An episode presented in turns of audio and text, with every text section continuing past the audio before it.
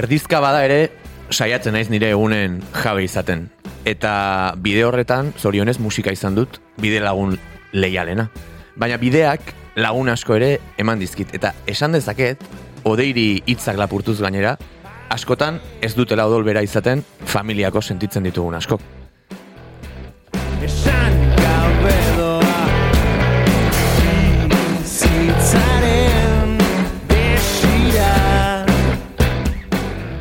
Lehen akordeak ikasten eta munduari oiuka hasi nintzen garaian, badira ia hogei negu, entxegu lokalean ondoan izan nuen Unai Pelaio, egia tarra garabiok, eta lehenago ere ezagutzen nuen arren, astapenetan eundak aldiz lapurtu nion bai ampli eta bai gitarra. Eta nire burua mintzat, han sendotu zen gure arteko laguntasuna.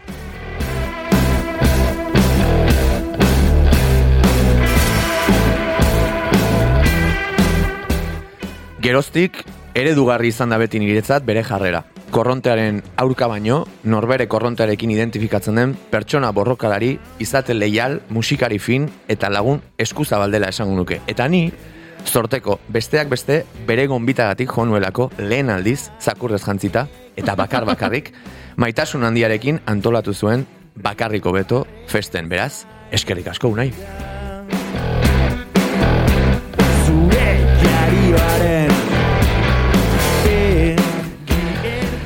Baina pelas dugu gaur aztergai.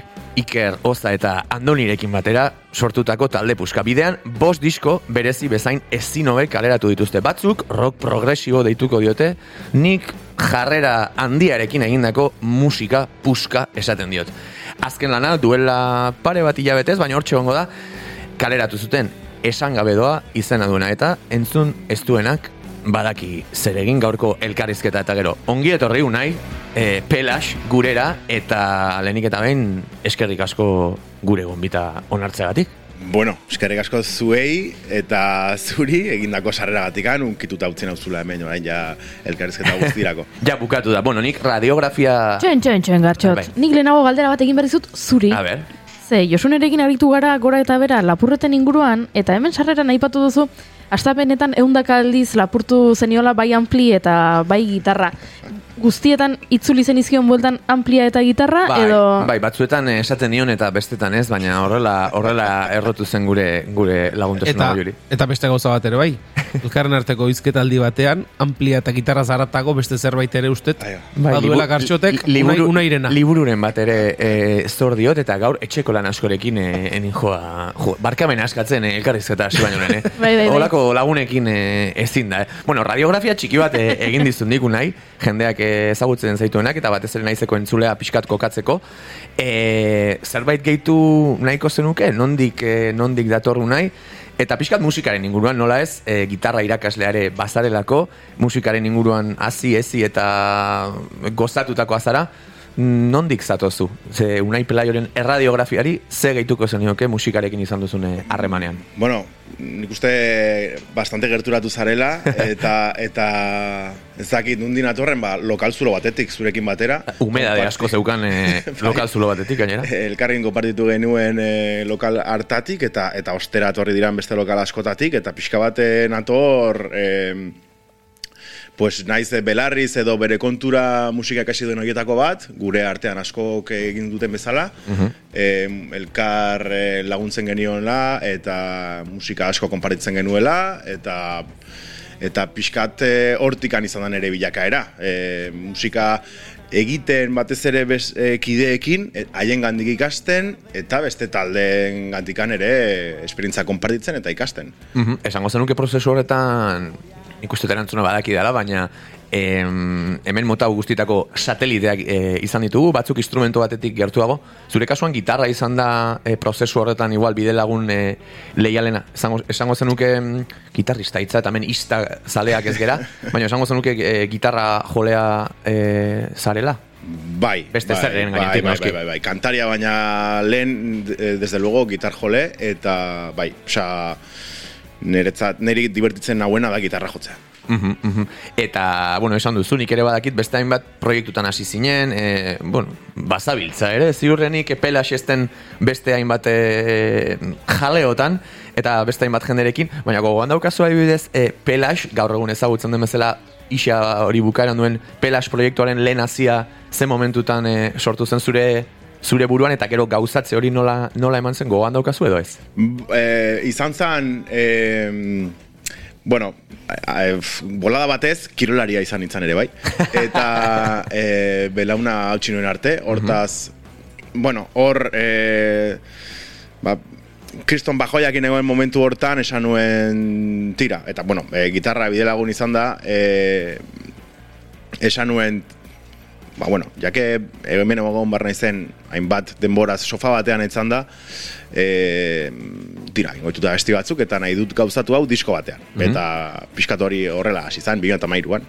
Mhm, Jo, izugarri gustatu zait, igual, bigarren kafean e, bota duten esaldi honenetako bate, e, garai batean kirolaria izan nintzen ezin du, ezin du edo nork Ezinek esan, ez, ez, hori ez. esan, ez, ez, egia esan. Baina, bueno, nik ezagutu zintuan ere, besteekin e, parte, beste jende askorekin partekatutako eta beste izenak zitu izena zuen e, pro, hainbat proiektutan, e, pelasek zure izena du, ala ezagutzen e, zaitu egia oso osoak eta egiatik kanpore zu ezagutzeko plazera izan dugun guztiok.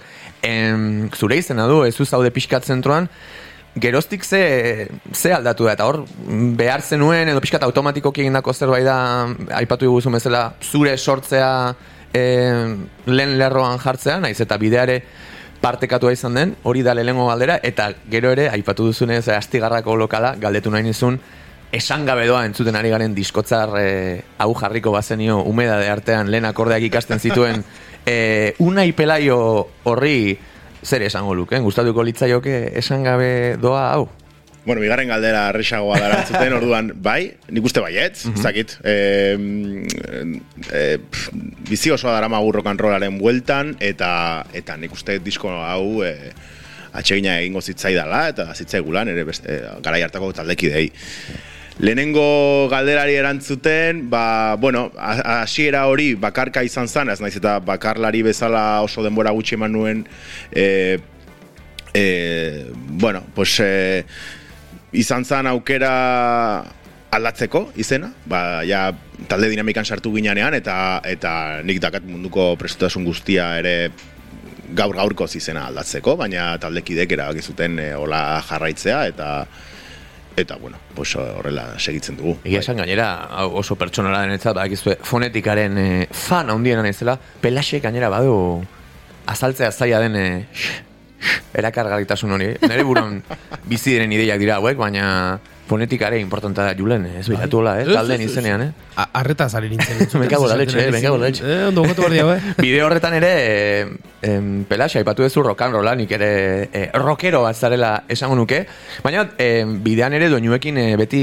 esperimentatzeko joera hori, eta pixkat, em, esango nuke, eta iritzi pertsonal bada, oikoa den em, estruktura edo egiteko modua, sonikoki ari naiz, e, austeko gogo hori ere badela pelaxen berezko e, jarrera. Zuri ere, ala iruditzen zaizu, nola definituko zenuke rock, rock and rollaren baitan, ba, pelaxekin e, erakutsi, baino eskeni nahi diguzun e, mundu sonik hori. Austurarekin lotzen duzuzuk?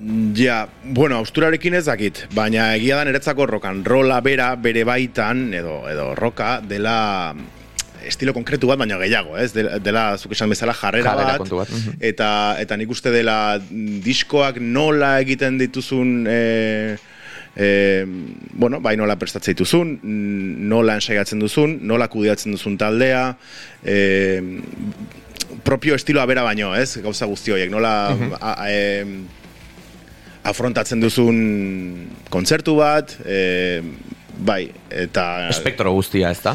Bai, Hmm, bai, banan banan eh, aztertu nahi ditut espektro guztionek, baina lehenengoak kantuak eh, dira, eta nik eh, fan bezala, eta lagun bezala, aurreko lanetik onera, sentitu dut eh, jauzi txiki bat, eh, pelaxe ezagutzen duenak, aurreko abe eta de lanetan bazegoen alako, nire ustez, ariketa oso interesgarri bat, eh, disko batean kantu gutxi lau, lau dira, ezta? Eh, eskaintzearen eh, ariketa txiki hori eta kasu honetan, eh, azken honetan, bueno, eh, koesinatuagoa itzazten nahi esan, baino hemen ale gehiago daude eta esango nuke eh, baduela oikoagoa den eh, ez dakit planteamendu bat, eta komillak jartzen ditut.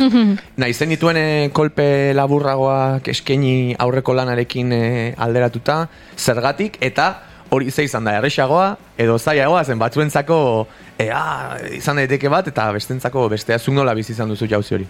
Bai nahi, genuela.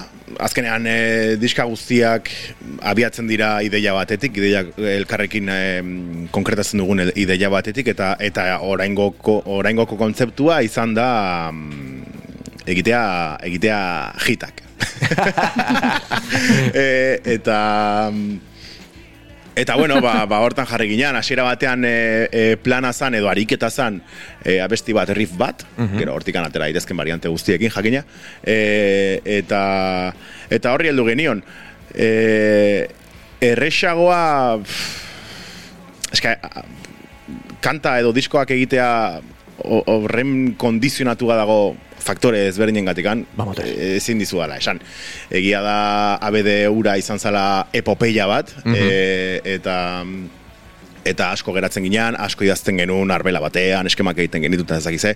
Hau izan da, bueno, bapatekoagoa, eta, mm, bueno, pff, e, kostatu, kostatu zaigu, ba, bizitzan kasitanak e, kostatzen duen bezala, e, baina, bueno, beti ere aipatu, eske, sortzen ari zaren prozesu hori dela ederra, igual prozesurik politena, eta mm, gozatu genuen, bai, bai. Aurrengo pauso hori izoman izun, gainera, e, genuen, e, eta bueno, e, ez zaude lehengo pertsona hitz egiten, polita da hori, urrengo atala hori zen, e, zure taldekide, gainera, bueno, Iker Rosa eta Andoni oso ondo ezagutzeko e, plazerra daukat, eta ez zait okurritzen e, unai inguratzeko satelite kuadrilla e, hobeagorik, badakizue satelite nire hitz favorito eta oso positiboa den e, hitz bat dela, musikari finak dira denak, baina musikari fin baino eta pertsona fin baino irutzen zaizkit gainera zurekin jarreran konektatzen dutela asko holtza gainean eta bai zuk esan dezun bezala, ez? E, talde bati edo talde bat enfrentatzeko e, modu horretan. Zer zer eman dizute e, taldekideak, zer eman dio Pelax e, bakarrik hasi zen e, hanka edo buskatu zuen Pelax horri hiru satelite fin hauen e, batzeak. Ba, eman, di, eman diate zaintza, e, e, gero konfiantza, disiplina ere, indisziplina asko ere bai. Eta... Ikusten? Ikusten?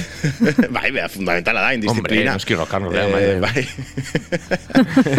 bai, eta ez dakit, batez ere, batez ere zerbaiten eh, parte izate hori, dela, pff, azkenean eh, ez dakit zenbat urteren ostean, eh, eh, lokal batera sartuta ez baldin baduzu disfrutatzen, mm nik ez du, ez du aurrera egiteko aukera askorik, hortaz, mm, em, ez dakit, ba, zaintza, zaintzarekin geratzen naiz. Bai, ere, eta nik zerbait gehitzeko esango nuke ere oso aurkitzea oso zaila den e, berezko energia eta sinergia bat ere nabari zaiela holtzan. Ze Bai. gustora nagoen Bai, eh, taldekidez hirukote- ari gara, baino gaur pelaixo bakarrik etorri da, Bai, eta, eta- eta bakarrik entzun beharko dugu, ze diskoaz ari gara eta gustora, baino, baino elkarrezketa guztikoetan, ba, abestiak entzute ere gustatzen zaigu, eraz? Claro, claro. Eskatuko diogu lehenengo kanta. Eskatu beharko jogu, nahi, ze, Vale. ze joko diguzu azken diskokoa, pentsatu nahi, eta esan gabe doa disko zarrako, ze abesti joko diguzu, eta aipuren bat egin nahi baduzu abestiaren inguruan. Eh, joko dut sei, uste dela, abestia, Mhm. dela eh, osabak bere garaian laro eta intzun bertxio bat, eh, moldaketa bat edo. Eta, bueno, ez dakit oso ondo zeateako dan, ze aspaldi ez ditu ala jotzen ola kantak soil-soiak. Orduan, pf, ea, a ber. Bueno, ederra izango da.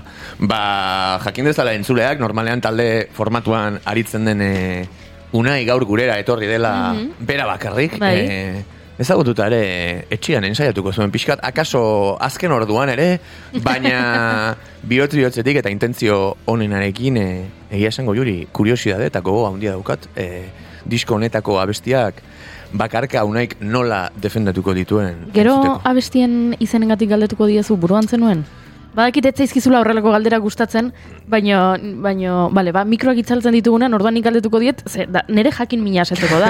ez, ez eh, interes kolektiboko galdera izan daitekela. Lasai, baino- eh, zure jakin mina asetuko du hori eta Ah, oso ondo. eta eta zu dudarik oki. Bale, perfecto. Ba, pres bazaudete, hasi egingo gara. Nahi duzunean.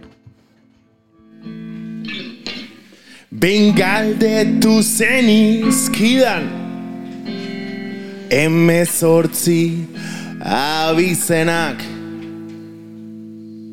Segitu nantzemanun Purista bat zinela. Aita mexikarra daukat Ama ijitu beltza. Eta erantzuten dizut. Nik dakidan bezala Ite digo akukuta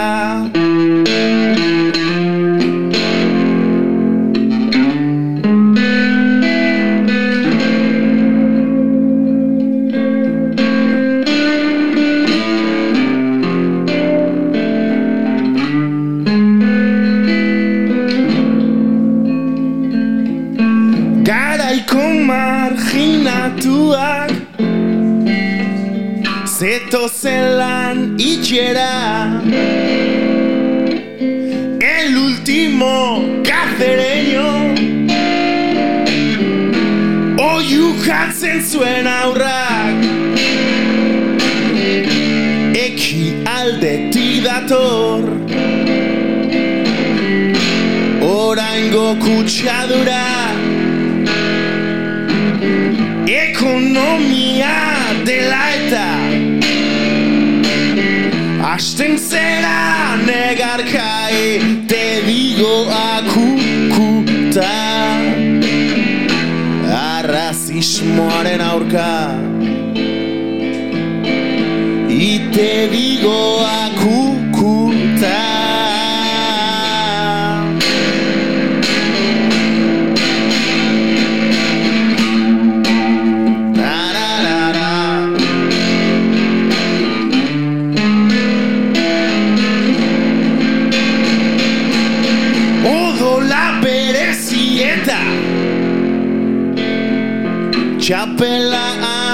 handiena Mundu honetan ez dago. Zu bezain euskalduna. Ikurriña bularrian. Jendeak ikus dezan. Euskalduna izango zera Pertsona ez bezala Ete digo akukuta Arrazismoaren aurka. Ite digo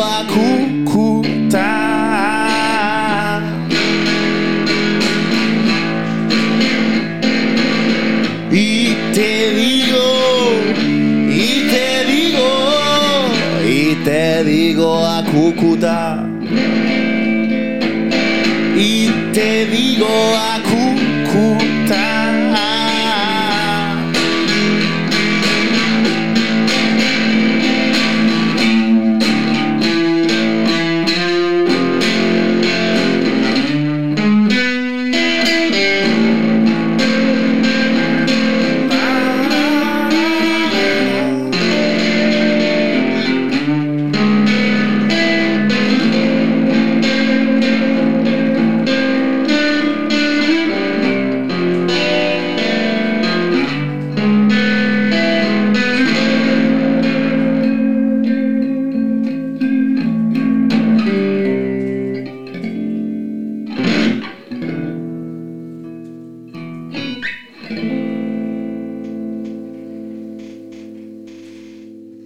Eman beldurri gabe, txaloi.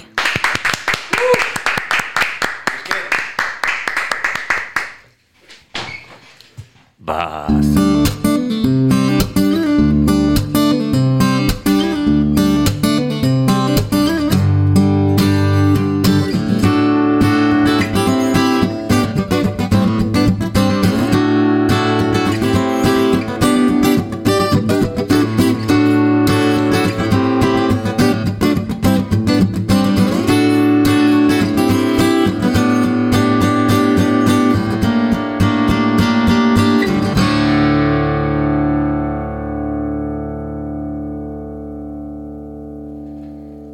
Txeri gara negoziak eta lanetan, zei gartxotek beste eunda berrogeita hiru galdera egin nahi ditu. Beraz, eunda berrogeita hiru galdera horiek egiteko, ba, irratian badakizue, e, segundu bakoitza urrearen e, prezioan saltzen digutela, eta horretan ari ginen, beraz, gartxot, bota urrengo galdera. Bai, bueno, galdera asko nezkan, baina pixka da gurtzaldera ere, esango diot entzuleari e, disko hau zuzenean grabatu dezuela, ez da? E, unai, lehenu aipatzen zenuen, jarrera horren erakuse bezala, ediziori gabe, ala behar zuelako, taldearen esentzia ere alakoa delako, baina kalean dago eta ala etorri dira ere elkarrizketa, euskarri digitalak, kontzertuak, kanpo mundua, bideoak, e, nola sentitzen zara zu hor? E, bueno, kostatzen zaidan zerbait da. e, egia esan irratia ez, asko gustatzen zait. Eta gustora etortzen naiz irratietara, eta beti saiatzen naiz irratietara joaten. E, telebistarekin ezin dut. E, et, eta, bueno, gero... Tira, bai, e, sentitzen naiz geroz eta erosoago, Baina bai izan dela pixka bat zaia, niretzako hori ba, ba, ba, diskoa eh, inguruan hitz egitera joatera eta tokietara, baina, bueno, e, horrelako arrela egiten zuten programe, programetan ba, gauzak askoz ere erresagoa dira, peloteo pixkat. Bai, bai, ondo indu, eh? Bai, e- Earkin du, eh? Bai. Earkin du. Baina, bueno, e, zure letra jarreparatuta ere bai, eta normalean goiurik e, sarraski eder bat egiten du letrak analizatzen, baina gaur pixkate, algrano goazen ez, Bai. e, zure letrako, letretako batean, berapenetan e, gaudela diozu, galdetu nahi nizuken, e, zer saltzen daba e, eskaparatean? Zer dago berapenetan gaur egun? Berapenetan dago gure arreta, gure arreta dijoala azkar e, alde batetik bestera eta eta kasi erreparatu gabe, ez? Pixkat hor- horti dator, arretaren ekonomia horretan. Mhm, Bai. Eta abiadura horretan esango zenuke eta berriz ere, ba, bueno, gaur egun extra musikalak diren e, gauza guztietaz ari gara, baino tam, zorionez edo tamalez esan beharko nuke, baina maia pertsonaren tamalez e, sentitzen dut ala dela, e, extra musikala diren gauza guzti horiek hartu dutela, bidea egin nahi duen baten kasuan, e, ba, bere biziko garrantzi bat eta automatikotasun bat, zu e, abiadura horretan erresistentzian sentitzen zara, sentitu izan zara eta eta ze zentzutan eta behar da erresistentzia hori. Bueno, behar dira gauza kuestionatu. Eta e, batez ere, e, zakit, ematen du gaur egun, formula bak, bat eta bakarra existitzen dela, dela sareetan edukiak e, atope sortzera eta igotzea, eta, eta gainera eduki horiek izaten direla musika zaratago, ez? E, nik ez dut uste modu bakarra dagoenik gauzak egiteko, eta...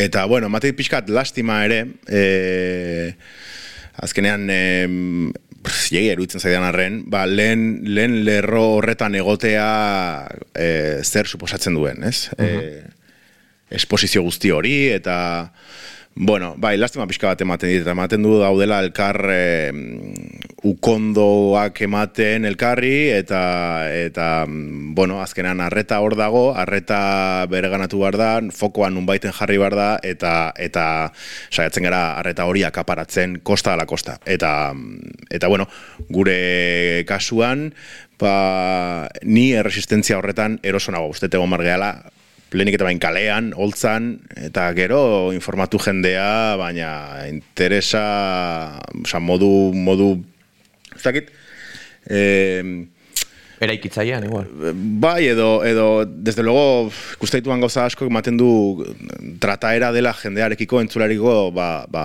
entzula tontotua egongo balitz bezala, ez? Eta, bueno, en batean horrela da ere, osea, e, sareetako, esana, eta erabiltzaileak, eta orduan, oso kanibalista da dena, eta, eta bere ganatu behar da pixka bat e, arreta hori nola doala. Bai, egia da ere, eh, askotan, e, gu, izango bagina, ez dakit, e, izu orain dela generazio askokoa, baina egia da ere, astigarragako nik hausnarketa asko egiten lokal horretatik, lokal horretan hasi ginen moduan, eta kontzertuak nola lotzen ziren, e, harreman sarea nola zen, e, gauzak drastikoki aldatu direla, eta eta gaur egunik ere atzematen dio dela gure inguruari alako e, gizatasunez bat, eta aipatu duzun kanibalismo hori, benetan, e, arrotza egiten dena, eta ez dakit lastima den hitza erabili duzu, baino niri e, tristetasun izugarria sorrarazten didana. Eta hor, pixkat argi izpi bat sartzeko, hemen galdera bat neukan, zerk salbatuko gaitu nahi, galdetu nahi nizun. ez dakit, e, e, galdera oso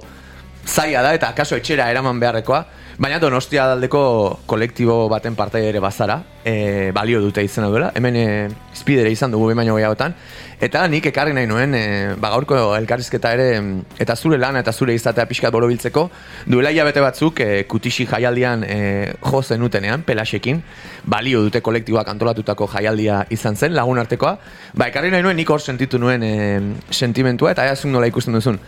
Hori da hori da iparra, ez? E, elkar zaintza hori, em, balio duteren babespean dauden taldeen, ez dakit kontrara dijoazten taldeak diren, baina bada normalean, e, em, ez dakit, lehen lerro horrek duen e, foko edo horren itzalean tamalez dauden e, egiteko modu asko, hori da iparra eta hori hori nahikoa da horrek salbatuko e, gaitu, balio dutenari e, behar duen argia emateak. Ba, ez, elkarkidetza pixka bat izatea solidarioak eta eta elkar laguntzea, ez? Mm, e, eta komunikatzea, sobre todo komunikatzea, izan e, balio duteko kolektiboko kideekin, edo izan zure amarekin, eta eta mm, ealdein einean eta aldein guztitan zintzoak izatea norbera bere buruarekin eta eta aurrean duzun horrekin e, eta pixka kolektibora ekarrita ba, ba, azkenean laguntasunak e, eta elkar babesak eta zaintzak, ez? Pixkat horrek. Bai, nik, nik e, ados nago eta iruditzen zait oso adibide ona dela aipatzen ari garen eta gaur egun joera den e, pixkat e, individualismo edo individuaren e, gorazarre horretan e, gauzak azkenean zure izatetik aratago interes eraikitzaile bat dutenean eta hori beste jendearekin lantzen denean e, ba, nire ustez badu gainbalio izugarri bat.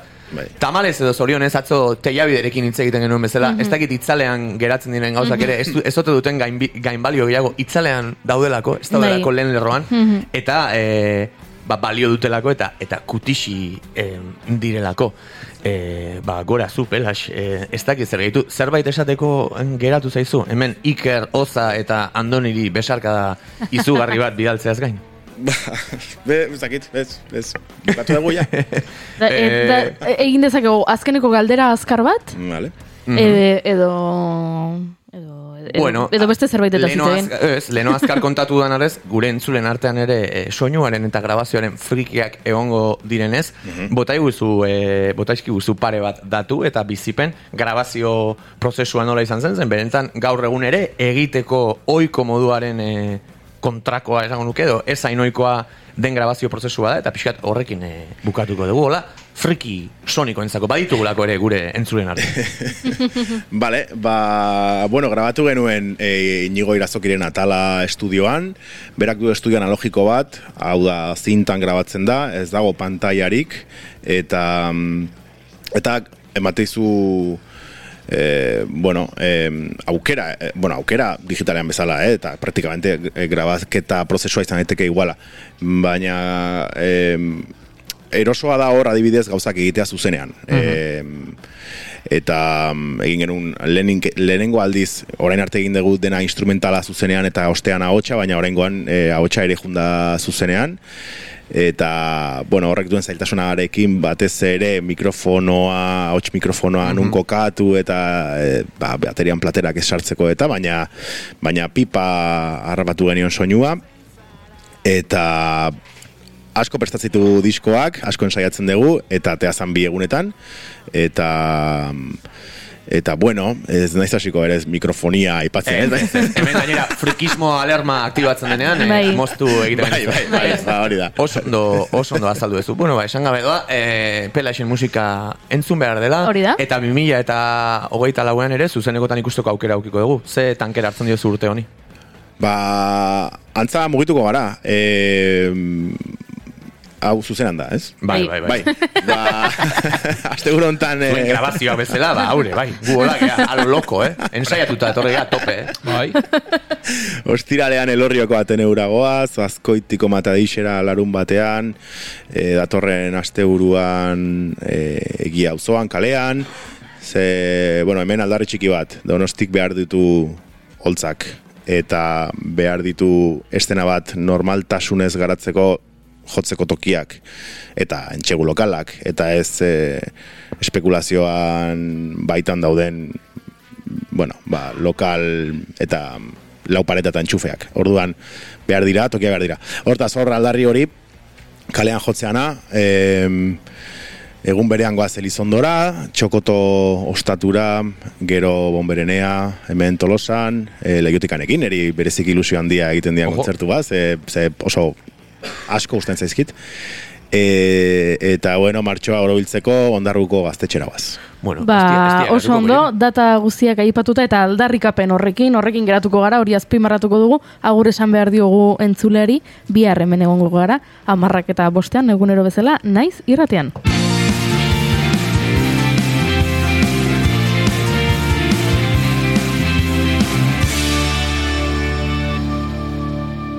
Keep calm and bigarren kafea.